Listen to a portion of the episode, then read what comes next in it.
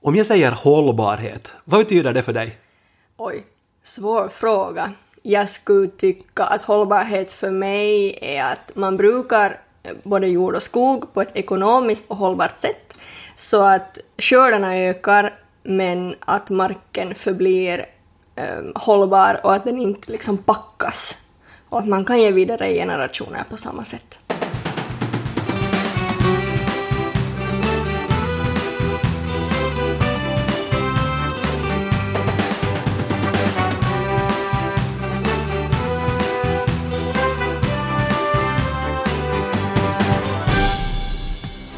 Framtidsodlarna är idag på Broby gård i Snappertuna, Västnyland och jag, Jens Berg, har den stora äran att få säga välkommen till Alexandra Waström.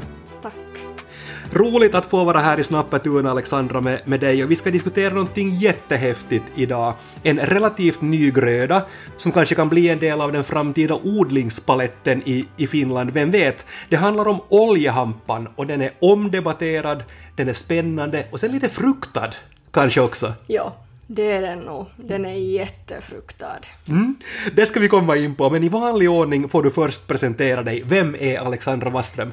Jag är då Alexandra Waström, hemma från Ekenäs, eller Snappertuna egentligen.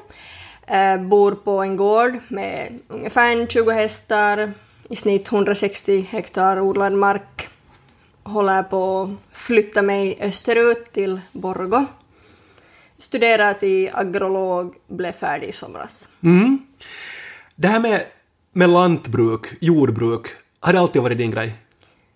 Kanske inte det jordbruksdelen, men nog hästarna. Så att, men de har nu ett, ett syfte i sig också mot lantbruket, så att jag har nog alltid varit med om man säger så, med pappa på lantbruket och arbetat och kört traktor och gjort det ena och det andra. Men det är hästarna egentligen som har fått dig, fått dig in på det här, det är liksom den här stora passionen? Jo, jag har alltid sen jag varit, kunnat gå, eller inte egentligen, suttit i barnvagn så varit i stallet. Ja. Men ni har alltså hästuppfödning här? Nej, inte, inte egentligen på ett sånt plan att, att vi föder upp och säljer, utan vi har fött upp um, på min tid fyra egna så jag äger fyra stycken och sen har mamma och pappa genom åren fött upp lite nu och då och sen även mina morfar, äh, morföräldrar. Jag har läst också att uh, du var, eller jag vet inte om du är, men en jätteduktig tävlingsryttare och, och aktiv inom Västnylands ryttare. Ja, uh, sen är det tre år tillbaka så satt jag min uh, hopphäst i pension och började med dressyr, vilket är mycket mer tråkigare men även bra för hästarna. Uh, och sen så blev även han för gammal så jag satt han i pension för ett år sen ungefär så då har liksom sådana små flickor i stallet fått rida dem och så här och den här hopphästen gick bort då förra året ungefär så att. Mm. Men är, är dressyr fortfarande någonting som du, som du håller aktivt på med? Ja, jag försöker nog komma tillbaka till det där med hoppdelen för att okay. det är mera fart och fläng och... Ja. Men du jobbar också också nu. Berätta, var, var jobbar du och vad jobbar du med? No, för tillfället så har jag, man kan säga två jobb. Så jag jobbar både för mina föräldrar hemma i stallet på morgnarna innan jag far på arbete och sen så är jag i Västankvarn på försöksgården. Mm. Alltså då Nylands Svenska Lantbrukssällskap. Ja. Och, och, vad gör du där på försöksgården? No, för tillfället är det mycket um, de här alla prover som vi har tröskat, eller alla försöksrutor som vi har tröskat i somras, så de ska rensas och sen ska de analyseras. Mm. Så det är mycket sån eh, liksom, hantering av de där provpåsarna. Men jag, jag har skrivit en anteckning för, för, för mig själv här också, att eh, du befinner dig i ett vägskäl i, i livet, Alexandra, har jag skrivit. Nybakad agrolog, du har hemgården, den har vi talat om och här, här sitter vi nu och så har du din pojkvän som har en gård i, i, i Östnyland. Vad ska, du, vad ska du ta dig till med med ditt liv, Alexandra Waström? no, nu börjar bitarna sådär sakta falla på plats att eh, nu när det här då spelas in så på måndag ska vi skriva papperna till ett hus. Så sen till årsskiftet hoppeligen flyttar vi sådär permanent om vi säger så. Jag har varit skriven i Borgå ända sedan mars ungefär. Okej, men men flyttlasset bär av nu till, till Borgå? Ja, till januari ungefär. Hur känns det för en västnylänning att bli en östnylänning? det är jättestor skillnad. Men men med att gårdarna är i snitt ganska samma så att jag tror att det kommer gå helt bra. Det att du tänker ta över Broby gård och bli den sjuttonde ägaren här så, så det verkar inte att bli så då? Nej, min bror verkar mer intresserad och har varit mer intresserad för lantbruket och sen med att jag träffade min pojkvän i, som är från Östnyland och han tänker ta över sin hemgård så då var det ganska enkelt att då får brorsan den här hemgården och jag flyttar österut. Mm. Men du sa här att, äh, att gården i, i, i Borgotrakten då i, i Östnyland är snarlik den här. Hästar alltså. Hästar och, och jordbruk liksom. Och var finns det fler hästar, här eller där? Det är där, hos honom. Var det här en orsak då? ja, no. Alltså inte med att jag tycker att du valde din pojkvän. Ja, precis. nej, nej, det var nog inte en orsak, men det kanske har en fördel med att de har lantbruk, så att man vet lite vad man har att göra med, med att fara ditåt. Hur ska du göra med dina egna hästar? Tar du med dem? Hoppeligen får jag med dem, men först till våren ungefär. Och en annan del som gjorde att du har kommit ut ur det här vägskälet så är alltså att du blev nyligen utexaminerad agrolog från yrkeshögskolan Novia. Va, vad specialiserar du dig på? Vad var liksom huvudämne eller inriktning? Oj, ganska långt växtodling. eh, med att jag skrev ett slutarbete då om, om oljehampa som är en växt. Mm. Så då drog jag ganska långt om de växtkurserna men även djur för att få lite inblandning i det. Mm.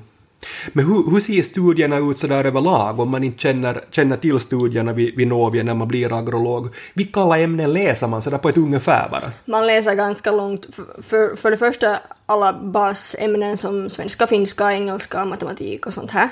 De hör till.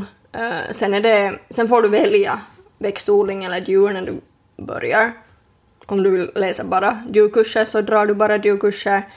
Eh, det finns obligatoriska växt, växtkurser du måste dra. eh, som går mellan ettan och fyran. Att det är ju på fyra år. Um, Men sen finns det en del, ganska lite, men även bra ekonomi.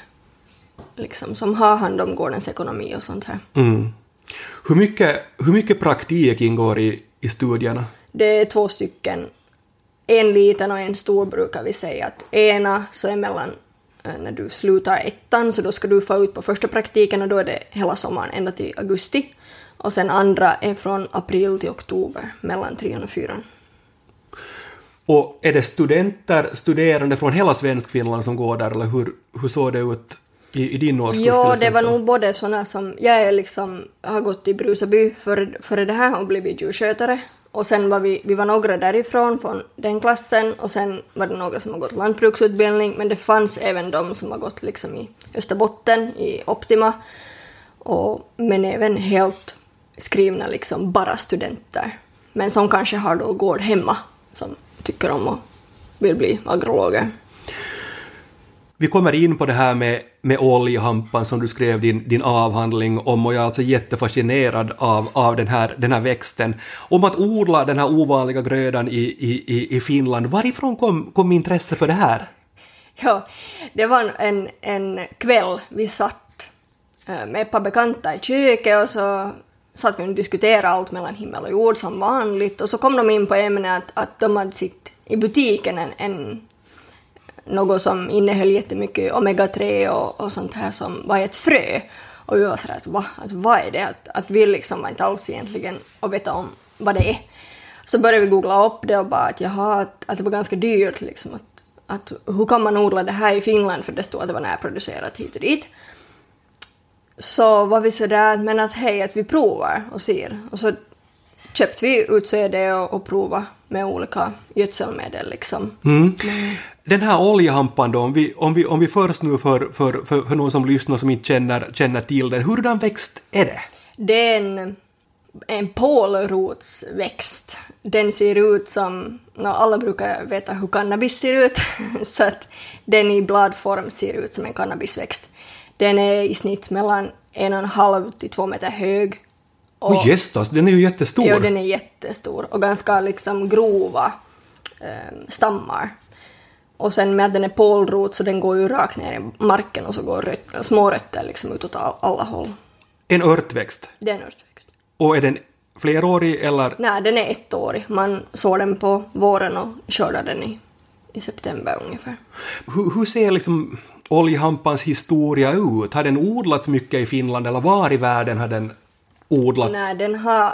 Det är lite sådär till och från hur man läser på internet, men eh, ganska långt eh, Kina, Asien, de här länderna har haft den till de här oljeväxterna, eller till den här oljan. Men medan sen igen Frankrike har använt det till fibrer och haft det liksom i betong. Men det var före Frankrike blev Frankrike om vi säger så. Just så den har, liksom, den har funnits jättelänge. Men en cannabisväxt, alltså är det, är det här... För, förklara för, för, för mig hur, hur hänger det här ihop? Har den, den är alltså då släkt med drogen?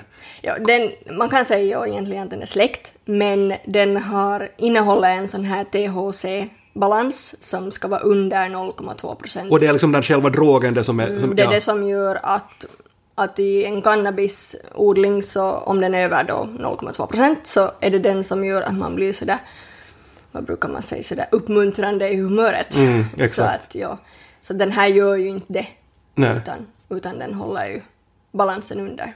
Men är det här också en orsak till att oljehampan har varit sådär mytomspunnen och omdiskuterad, så just det här släktskapet med drogen cannabis? Jo, det tror jag nog. Att jag har hört många liksom som har varit sådär att, att va, att odlarna är liksom knark och vi var sådär nej, att, att det är nog helt lagligt. Men det har ju inte varit lagligt länge. Att det är ju, att i Finland och Sverige så har det varit ganska få år lagligt liksom. Med att den har haft den här balansen som har kanske strulat till det lite. Men är det sällsynt att odla oljehampan? Hur, hur, hur vanligt eller hur sällsynt är det att man odlar den i Finland, vet du?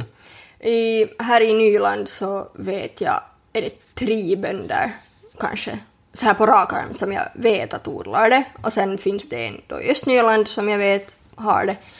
Ehm, men sen i Österbotten så har jag hört liksom med, med kompisar och så här att de tycker att det är mer pop där. Ehm, så att ja. Vi ska komma in på det här med, med användningsområde. Du nämnde den, eh, Alexandra, här att man kan använda det till fiber. Till hurdana fiber? Vad talar vi om då? Eh, Både till sängkläder, i vanliga kläder, i nästan allt som man kan mala sönder de där fibrerna till så går att använda. Sen kommer vi in på, på, själva, på själva matdelen, olja då, och då är det, och då är det fröna förstås vi, vi, vi talar om. Vad allt kan man använda de här, de här fröna till? No, vi använder dem hela. Äh, min pappa har ätit med morgongröten faktiskt, då, medan vi odlade, så då, och då har han ätit dem hela. Äh, hästarna har fått krossade till exempel. Äh, man kan sätta dem i ugnen så blir de sådär rostade, det kan man använda dem till. Så att helt liksom egentligen hur man vill. Hur smakar de? Ganska beskt. Ja. De är ganska sådär träga i smaken, men när man kokar upp dem så de sväller lite och sen så är de som att det skulle explodera liksom när man äter eller liksom klämmer sönder dem. Men när du säger att de är beska så det betyder sannolikt att de är jättenyttiga. Jo, de är, de är jättenyttiga. De innehåller ganska mycket olja och sen olika andra näringsämnen som är bra för kroppen. Används de i, i, i medicinskt syfte också, i, blanda i mediciner och sådär, känner du till det? Kanske inte fröna, kanske mera bladen. Ja. Och de här är glutenfria? Ja, de är helt glutenfria. Att om man vill ha en helt glutenfri växtföljd i, i sin odling så då är hampa en helt bra gröda att odla. Men du gjorde då experiment här på, på gården med att odla oljehampan. Vilka, vilka skulle du säga var lärdomarna? Oj, lärdomarna var nog det att, att det är stor skillnad på att odla. Vi odlade då 9 hektar första året, eh, så då satt vi 25 kilo per hektar jämte mot vete som man sätter mycket, mycket mera utsäde. Och sen får man kanske i snitt ganska samma när man tröskar det lite mera. Medan här på hampan så får man upp till 1200 kilo per hektar tillbaka. Just det. Okej. Det är jättestor skillnad liksom. Men när ska man så och när ska man, när ska man skörda? Man ska så det ganska sent. Den har inte jättelång växtperiod, men den är sådär att den vill ha en, en varm och fuktig jord och helst mullrika, bördiga jordar. Och sen så, så, så växer den helt för sig själv egentligen. Ända till september. Och när man skördar, är det en vanlig tröska man använder? Eller? Ja, man kan använda en vanlig tröska. Alltså vi använde en vanlig tröska och när vi satt in tröskbordet så hade vi ännu hacken fast på tröskan. Men min pappa sa att han tänker inte sitta och lyssna på när den hostar och har sig för att den matar igenom det för att den lindar sig precis runt varje liten del den hittar i, i tröskan. Så då tog vi bort hacken och, och smällde liksom som en sträng ut. Och, och sen kom min farbror och balade bort det. Men är det här en orsak till också att, att hampan har ett sådär, ska vi säga, lite tvivelaktigt rykte ibland, att den är så svår att, att skörda? Alltså den här att den, som, att den lindar sig, eller tollar sig som man säger i Svenskfinland. Jo, det, jag tror det nog. Att folk är nog rädda liksom för sina, för- för sin- sina egodelar och maskiner och alltihop, att, att de liksom ska gå sönder. Så det tror jag nog är en, en faktor till att folk inte odlar det mera. Men ni hade någon typ av stor häcksax eller någonting annat med er också för att klippa, klippa bort det när det lindade sig, eller, eller hur, hur gjorde ni? Nej, faktiskt inte. Vi hade turen att det, det lindade, sig faktiskt inte. Att så pass mycket att vi kunde skörda hela fältet och sen börja putsa på tröskan. Att det, den orkar matta sig igenom Ja. faktiskt. Men är det speciellt det där också när du sa att de kan vara en och en halv eller två meter höga? Är det någonting speciellt man måste tänka på då också när man, när man skördar? Ja, no, det är det att med att den är två meter hög så den har inte frö liksom hela stammen utan den har frö bara på en halv meters höjd.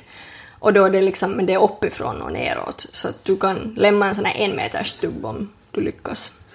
Men om vi kommer in på den ekonomiska delen av att, av att odla hampa också. Finns det några pengar, Alexandra, i att odla oljehampa? Ja, det, det tror jag nog att eh, den är ju på det sättet helt eh, naturvänlig eller klimatsmart om vi säger så.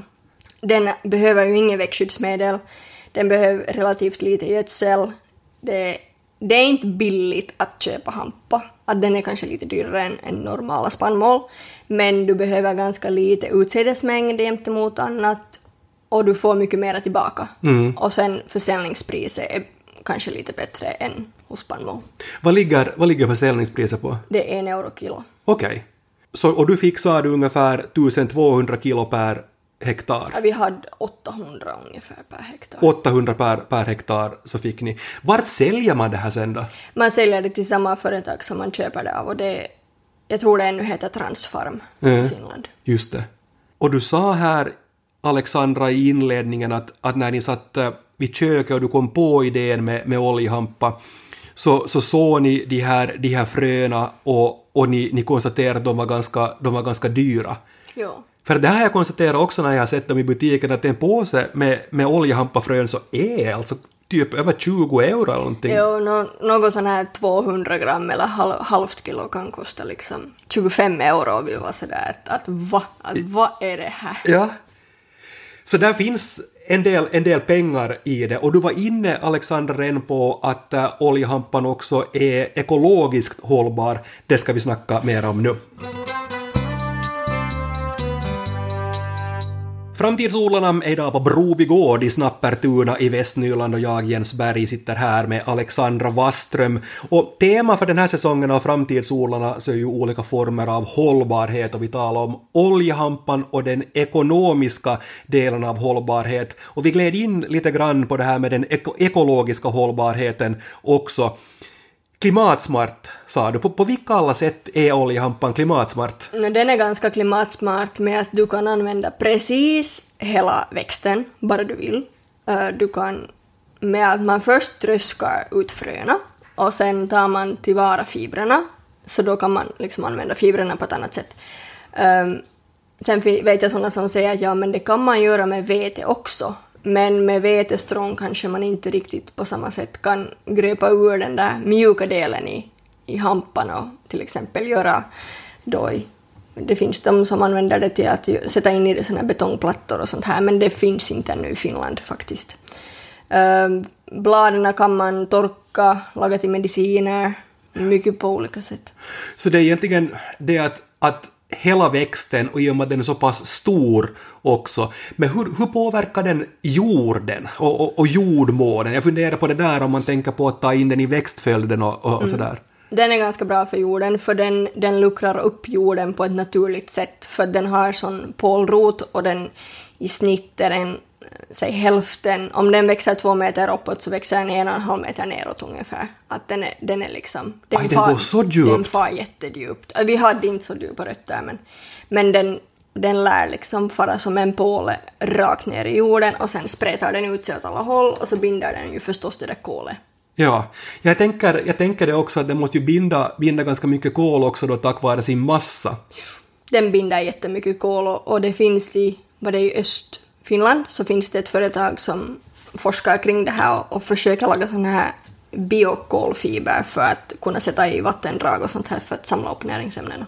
Så det använder man liksom de här mjuka delarna i hampan till till exempel. Men det är ju ganska intressant hela, hela det där för att vi kommer in på en, på en växt eller på en gröda som är någonstans mellan spannmål och skog egentligen. Förstår du vad jag menar? Ja, ja precis. Att det, det, det, det ser, jag ser det framför mig det här också att när vi talar kolbindning så kan det här vara en del av, av hela lösningen sen, sen också, också på det. Eller var det en konstig, konstig kommentar? Nej, det var nog he helt fiffigt kanske. Kanske. Men hur ser, hur ser läckagerna ut från, från åkrarna när man odlar, när man odlar oljehampa? No, den samlar upp ganska långt uh, allt den behöver och sen lämnar den i jorden. Den som, det som den liksom har använt så brukar den kunna lämna i jorden den som, det näringsämnen den har använt. Om vi säger så. Och, och hur ser det ut med, med ogräs när man odlar oljehampa? No, med att den är så pass hög och bladen spretar åt alla håll på olika delar på hela plantan att den har ju löv liksom uppifrån och ner. Så den täcker ganska långt hela markytan och det gör att liksom, ogräserna inte får ljus och de får egentligen inte vatten heller för att rötterna är så pass långt mer djupare än, än ogräserna så att de hinner samla upp allt vatten. Så den, den bekämpar dem självständigt. Men du, du tittar i din, i din avhandling också, Alexandra, på, på det här med, med, med gödselmängden. Så hur, hur ser det ut? Hur mycket gödsel behöver olje, oljehampan så där i jämförelse med, med andra grödor du känner till? Ö, till exempel på vete så kanske man sätter en 150 kilo per hektar. Och på hampa sätter du 60 kilo per hektar. Så att det, det är jättestor skillnad liksom. Men nu har de höjt den där äh, gödselmängden till 90 men det är, liksom, det är inte i närheten av att vad du sätter liksom, i till exempel vete då. Mm. Sen nämnde du, nämnde du här, här också att man blandar in hampa i, i betong. Det är ju ganska coolt också, eller det är ju, det är ju en jättespännande grej när man funderar på, på betongen och, och, och, och sen också liksom själva, själva cement och, och, och den klimatinverkan som, som, som det har. Det här låter ganska spännande. Ja, det är ganska spännande. Liksom, jag följer med lite sådana här olika artiklar om det, men för tillfället finns det ju bara i USA. Eh, så att de forskar kring att bygga hus på det här hampabetong som det heter och hampa isoleringar, Det är det att den är, inte, den är inte bärande. Du kan inte sätta den under en bärande vägg. Men sen den reglerar både fukt och värme på ett helt annat sätt än vanlig betong. Så att det tror jag att de kommer att forska mera kring liksom. Man skulle ju bra kunna föreställa sig också att det att, äh, att hela oljehampaväxten och, och hela massan kommer in någonstans också i bränslediskussionen och, och biogas. Vet du någonting om det? det? Nej, inte egentligen. Vi använder... Min farbror har en sån här tork som han bränner halmbalar. Så att de balarna som vi fick ut från vår åker när vi balade, så de förde vi till honom. Så då, på det sättet så kunde vi ju sen använda det till bränsle om man säger så. Och det funkar. Ja, han sa att det var nog helt bra. Han har odlat det som heter industrihampa. Det finns ju två olika industriolja. Så att industrin har sen mera den här brännkapaciteten kanske, men inte mot olja. Hur bedömer man så där överlag? Du, du, du är nyutexaminerad nu, du skrev din avhandling om, om oljehampan. An, hur, hur ansågs den sådär i studiemässigt, sådär i, i litteraturen och, och, och sådär? Anses den vara hållbar, oljehampan också sådär per definition? Ja, bra fråga. ja, nu skulle jag kunna säga att den är så, men det är mycket lite man pratar om det i, i skolan egentligen. Att det man läser så kan vara några artiklar som mm, några tidningar har skrivit om olika bönder som odlar det och, och då är det ju deras åsikter och så här så att så att med att det odlas så pass lite i Finland så tror inte jag det har så stor inverkan ännu. Mm. Nu, nu har vi talat, talat mycket om, om positiva saker med, med oljehampan, vi har varit inne också på, på lite negativa saker, men det låter åtminstone på dig här som plussarna skulle överväga minus. Ja, ganska långt. Att uh, vi odlade eh, två år här på Broby, men uh, nu i år har vi inte odlat det för med att min bror börjar i Skuffis så tänker han ju förstås laga ett examensarbete och, och då är det ju hans hans odlingar som går före mm. de här. Och min pappa sa också att, att ja, den är kanske ekonomisk och så här att odla, men när den um, inte blir färdig tillräckligt tidigt jämte mot till exempel någon vete, havre, något sånt här, att den går lite längre i, i säsongen på det sättet, så hinner den drunkna med att det kommer så mycket vatten på hösten. Just det. Så där är, där är ett minus när man, när man tänker, tänker på det, att den har en relativt lång, lång säsong och vi kommer in i, i september. Ja. Så, så det är någonting, någonting att tänka på. Men vad, vad, vad, säger, vad säger dina föräldrar då? Tror, tror de nu att de kommer att ta in den i växtföljden? Kanske inte alla år, men någon gång här eller där kan mm. jag nog tro. Att så har vi diskuterat, men, men man vet ju aldrig. Vi ska knyta tillbaka till, till, det, vi, till det vi börjar med, ditt, eh, ditt vägskäl. Flyttlasse eh, så, så går nu till Östnyland och till din, till din pojkväns gård där det finns fler, fler hästar. Hur mycket har, har liksom hela hållbarheten och hållbarhetsdiskussionen och liksom den här typen av frågeställningar påverkat dig i vad, du, i vad du ska välja och vad du ska göra med ditt liv? det, har, det har nog egentligen inte haft någon stor inverkan. Jag har nog gått med, med kärlekens spår om vi säger så. Mm. Det, låter, det låter bra, det, det brukar bära långt. Tusen tack Alexandra för att jag fick besöka dig här, i, här idag. Tack. Det var jätteroligt att få, få se dig och tala med dig och jag är tillbaka om två veckor då med en ny framtidssolare. Ett nytt ämne på ett annat ställe i Svenskfinland. Vi hörs då. Tack för att du lyssnade. Mitt namn är Jens Berg.